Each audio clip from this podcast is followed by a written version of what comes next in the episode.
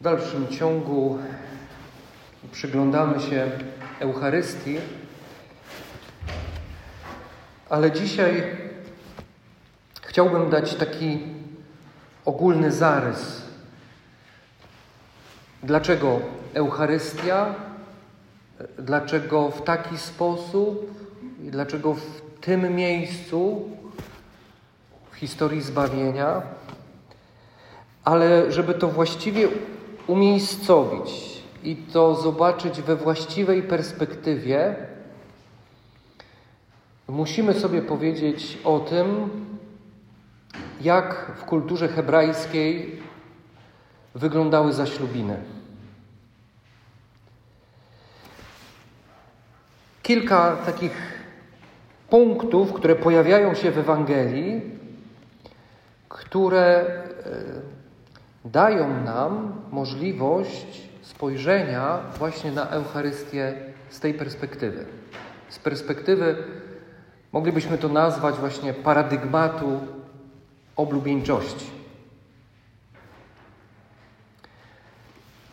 Już trochę zaczęliśmy e, wczoraj, ale dzisiaj chcę dać Wam jakby taki pełen obraz. I jestem w stu procentach przekonany, że będziecie, zasko będziecie zaskoczeni. Najpierw e, te momenty w Ewangeliach. Ewangelia Łukasza, piąty rozdział, 35 werset. Czyż możemy pościć, czy mogą pościć, e, kiedy oblubieniec jest razem z nimi, ale przyjdzie taki czas, kiedy zabiorą im oblubieńca i wtedy będą pościć. E, potem Ewangelia Jana, 14 rozdział, drugi werset, kiedy Jezus mówi: Idę do mojego Ojca przygotować wam mieszkanie. W domu Ojca mojego jest mieszkań wiele. Potem Ewangelia Marka, 13 rozdział, 32 werset. Nawet aniołowie w niebie ani syn nie wiedzą, kiedy to nastąpi, tylko Ojciec. Apokalipsa świętego Jana, kiedy jest mowa o tym, że będą wielkie, potężne gody baranka, czyli wesele. I jeszcze list do Efezjan, piąty rozdział, kiedy święty Paweł mówi o małżeństwie, a potem mówi, a mówię to, e, jest to tajemnica wielka, a mówię to w kontekście miłości Chrystusa, który jest oblubieńcem w stosunku do Kościoła, które jest Jego oblubienicą. I tam jest mowa o tym, że oblubieniec robi wszystko, żeby doprowadzić oblubienicę do y, momentu zaślubin, wesela, bez skazy, bez zmarszczki lub czegoś podobnego. I jeszcze jest tam mowa o tak zwanej rytualnej kąpieli, którą odbywa oblubienica przed zaślubinami. A teraz te wszystkie fragmenty poskładamy taki jeden ciąg od początku do końca.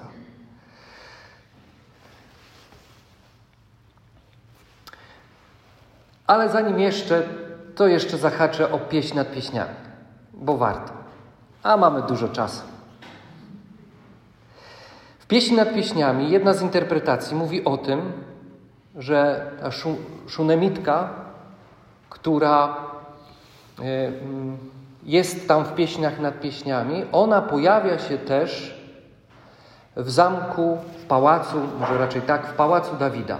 Kiedy Dawid już był w podeszłym wieku, był już staruszkiem, to e, do posługi e, nie zatrudniono, ale zaproszono czy sprowadzono e, najpiękniejszą dziewczynę z całego Izraela, Szunemitkę. E, no, ale jakby w małżeństwo tutaj nie weszli, czy w jakąś relację, dlatego że Dawid już był starcem, a ona była bardzo młodą dziewczyną. I dopóki Dawid żył, ona nim się opiekowała. Możemy to przeczytać w Słowie Bożym, w szczegółach, wchodzić w to nie będę. Kiedy Dawid zmarł, ona wróciła do swojej wioski. Ale był jeden człowiek, który w niej się zakochał bez pamięci. I mówi się o tym, że ty, tym kimś był Salomon. Jak przeczytacie pieśń nad pieśniami, to widzicie, że cały orszak króla Salomona przybywa. On jest tym oblubieńcem, który szuka swojej oblubienicy. A więc jest to spotkanie, jest ten moment zakochania, jest potem ten moment szukania, poszukiwania swojej oblubienicy, która została odesłana, ale przecież ja jestem w niej zakochany, ja muszę ją znaleźć, ja chcę z nią być. Możecie sobie przeczytać pieśń nad pieśniami właśnie w tym kontekście, jakby zobaczyć właśnie e, ten kontekst tej miłości i, i tej służby tej dziewczyny w tym zamku, w, w tym pałacu. Nie wiem, co ja z tym zamkiem. A więc jest ten moment, kiedy oblubienica z oblubieńcem się spotykają. Jest ten moment, kiedy oblubieniec robi wszystko, żeby rozkochać w sobie oblubienicę. Jest moment, kiedy ojcowie oblubieńca i oblubienicy pertraktują ze sobą i ustalają warunki. Pojawia się tam też przyjaciel oblubieńca, który czuwa nad tym wszystkim, ale i też przedstawia dobre strony e, oblubieńca, oblubienicy. Mówi, e, jaki on jest, przedstawia tę osobę. E, oczywiście, wiadomo, w samych najlepszych e, superlatywach. Mówi jego, pokazuje jego prawdziwą tożsamość, przekazuje też dokładnie słowa ojca w tych negocjacjach. Ona się zgadza jest moment zaślubin, ale przed zaślubinami ona e, właśnie e, jest ta rytualna kąpiel. Oblubienica zostaje oczyszczona, zanurza się w tej wodzie, kąpiel oczyszczająca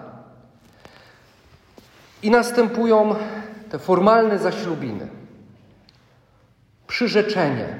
Przyrzeczenie, e, e, poślubieni sobie e, małżonkowie. Byli już związani ślubem od tego momentu, nazywali się mężem i żoną, ale jeszcze nie mieszkali razem i nie byli ze sobą w tej przestrzeni intymności.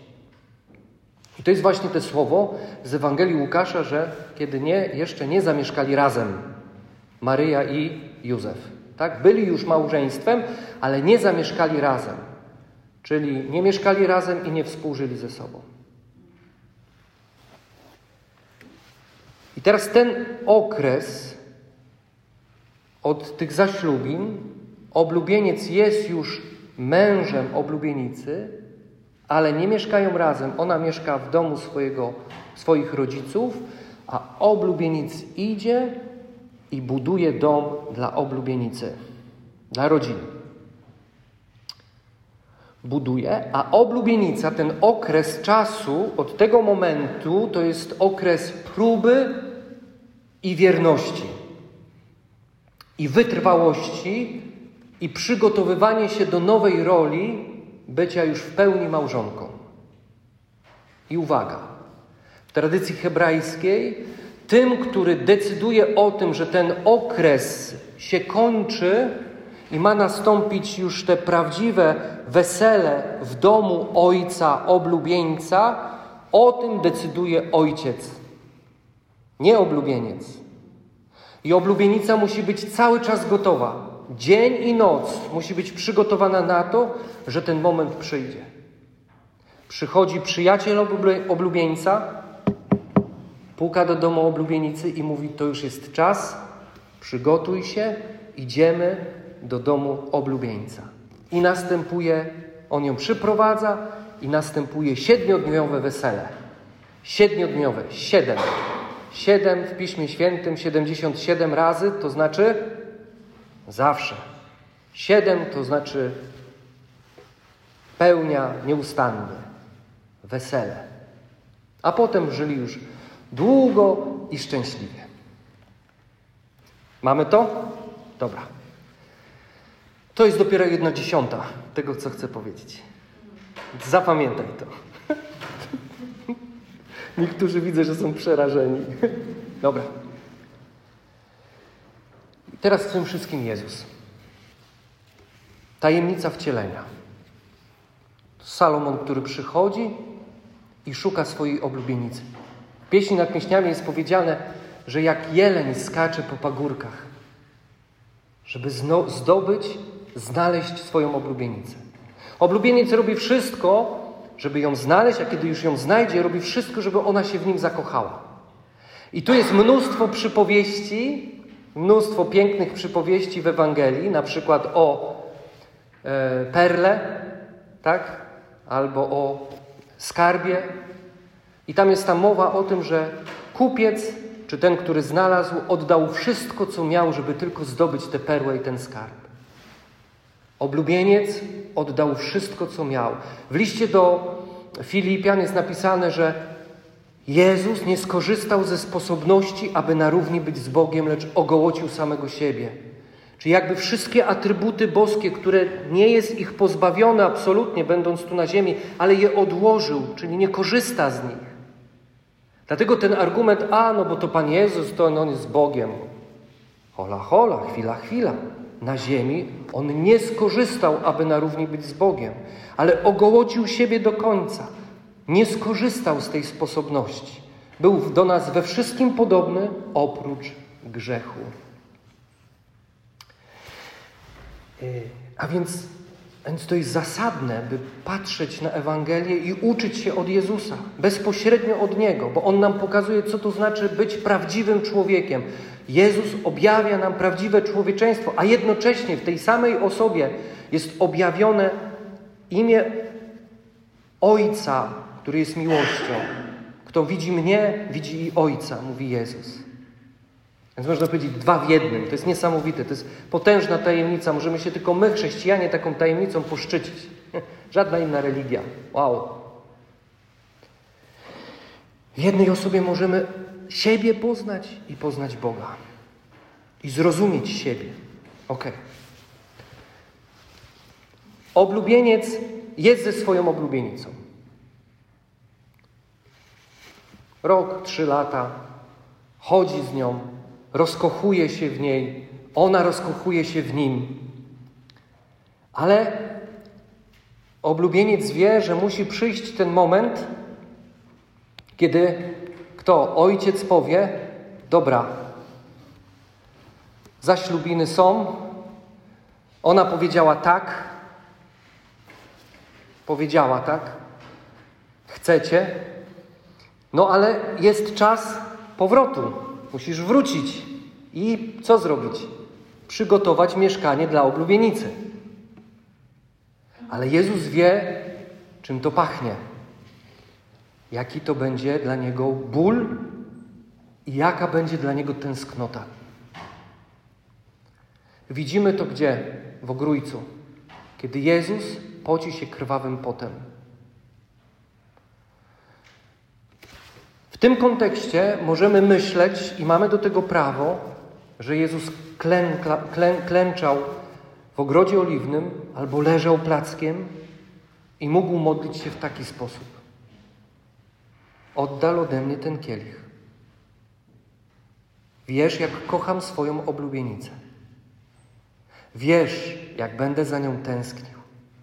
Tato, proszę, daj mi jeszcze chwilę czasu, abym mógł nacieszyć się tą oblubienicą, abym mógł ją jeszcze bardziej rozkochać w sobie, żeby nie widziała poza mną niczego więcej, tylko mnie. Czy można tak tęsknić z miłości? Wiemy, jak, e, jak, jak umarł Jezus na krzyżu. Pękło mu serce. Nie, nie udusił się. Pękło mu serce. Medycznie jest to udowodnione. Z miłości pękło mu serce.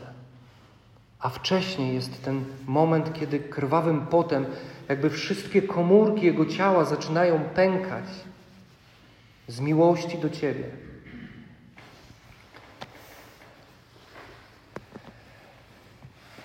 Ale Jezus wpadł na niesamowity pomysł. Co zrobić, żeby niejako nie być jeszcze z oblubienicą i przygotowywać mieszkanie dla niej, a jednak z nią być.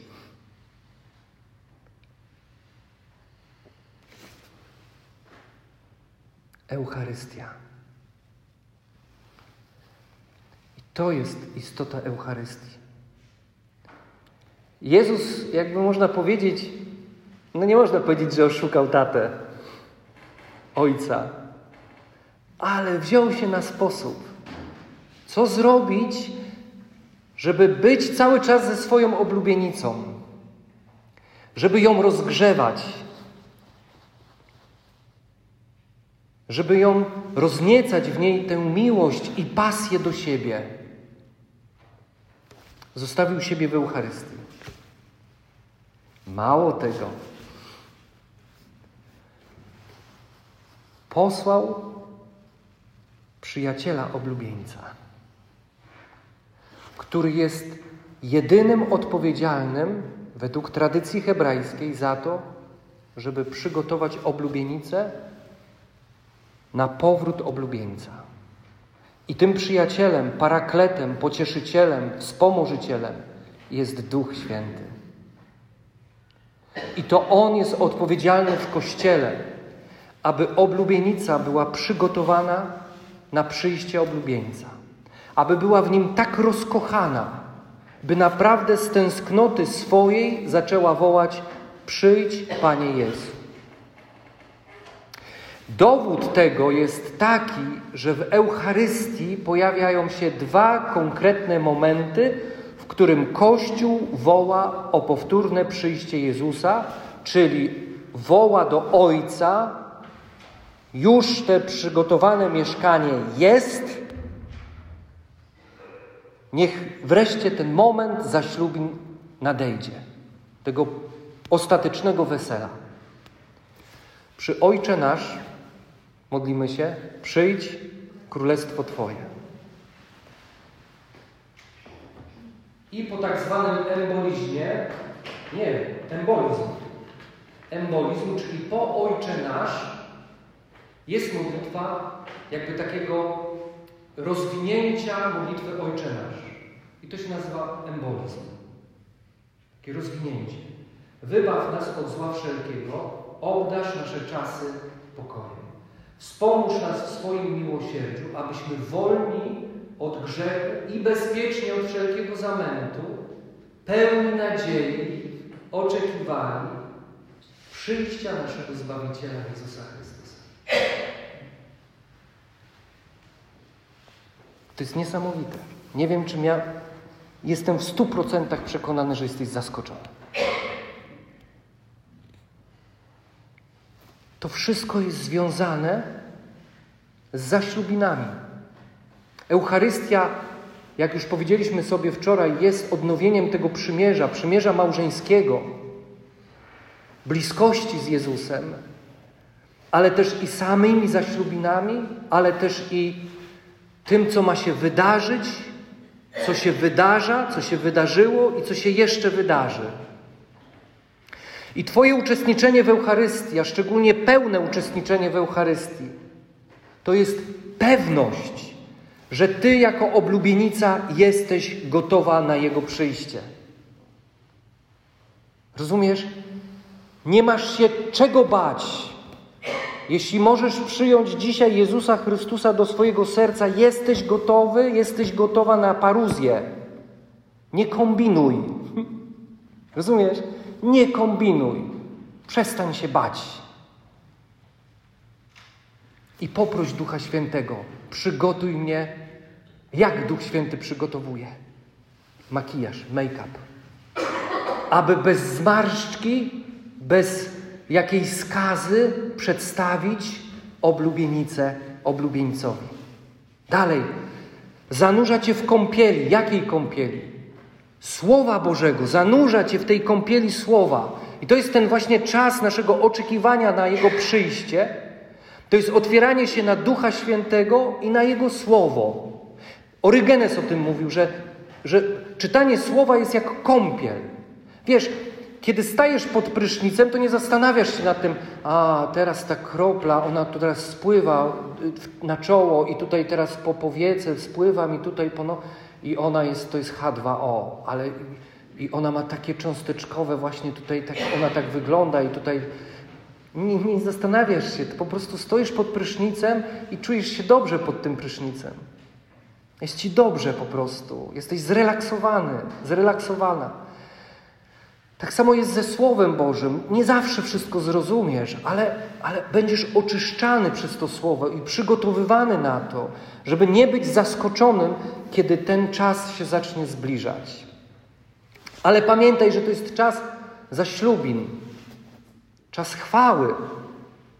Oczywiście Jezus mówi, przed tym będą czasy trudne. Będą czasy, w których będziesz słyszał za oknem odgłosy wojny. Nie tylko będziesz o niej czytał w internecie. To mówi Jezus w Ewangelii. I to będą trudne czasy. Ale ty, chrześcijanin, masz mieć podniesioną głowę i z nadzieją oczekiwać na Jego przyjście i mówić jako oblubienica: Jestem gotowa. Ale jaki jest myk w tym wszystkim? Słowem kluczowym jest tęsknota. Ojciec Niebieski.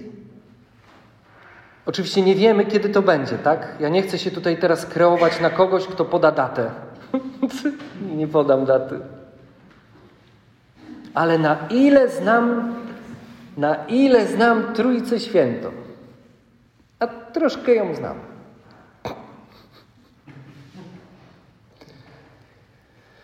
To ojciec puści swojego syna wtedy, kiedy ziemia zapłonie. Jezus powiedział, nie? O jakże pragnę, aby ten ogień już zapłonął. Co to jest za ogień? Ogień miłości i tęsknoty za Zbawicielem. To jest ogień miłości. Pamiętacie, co Jezus powiedział w Ewangelii Jana, 17 rozdział? Aby miłość, która jest między mną a Tobą, Tato, była w nich. A w, Apokalipsie świętego Jana, Jan widzi Jezusa, który staje przed nim w potężnym majestacie, gdzie Jan, przyjaciel Jezusa, głowa na jego piersiach, a padł porażony, widząc Jezusa w majestacie. A więc też padniemy przerażeni, widząc, jaki to jest majestat jaka to jest potęga. I kiedy podniósł się i spojrzał w oczy Jezusa, zobaczył co? Oczy pełne ognia. Ale to jest ogień miłości i tęsknoty za człowiekiem. I oby świat zapłonął nie pożogą wojny, ale ogniem miłości do Jezusa, tęsknotą. I każda Eucharystia, która jest sprawowana, jest przypominaniem tego, uobecnianiem tego, dawaniem Ci pewności, że jesteś gotowy, ale zapłoń. Płoń ogniem tęsknoty za Jezusem. Całe Twoje życie duchowe ma polegać właśnie na tym, żeby sprowokować Twoje serce do tego, by zapłonęło. żeby płonęło tęsknotą za Jezusem.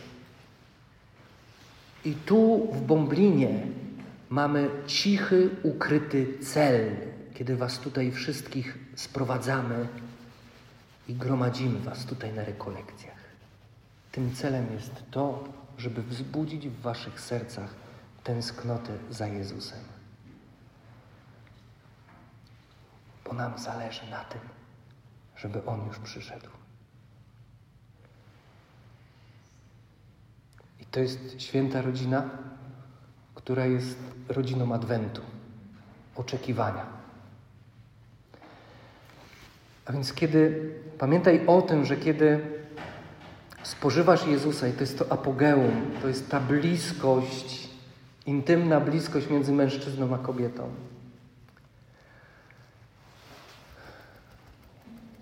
To bierzesz do siebie ogień.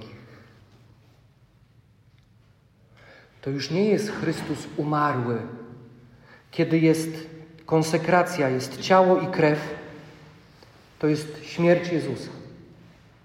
To złamanie hostii niepokalanej. To jest właśnie złamanie baranka. Ale potem co jest? Kapłan bierze kawałek ciała Chrystusa i co? Wrzuca do krwi Chrystusa. Moment zmartwychwstania. I kiedy kapłan podnosi już hostię, to co mówi Apokalipsa, baranek zabity, ale żyjący. To jest właśnie ten moment, kiedy ten baranek jest złamany, ale kapłan go podnosi i mówi co? Oto baranek Boży, który gładzi grzechy świata. To jest moment Chrystusa, który jest, objawia się jako Chrystus zmartwychwstały, pełen mocy Ducha Świętego. I Ty potem przychodzisz tutaj i ten ogień bierzesz do siebie. Płoń, Kościele, zacznij płonąć. Płonąć miłością i tęsknotą do Jezusa. Bo chrześcijanin to jest człowiek, który mocno stąpa po ziemi, ale głowę swoją ma utkwioną w niebo, z nadzieją, że za jego życia przyjdzie Chrystus. A to wszystko mamy w Eucharystii.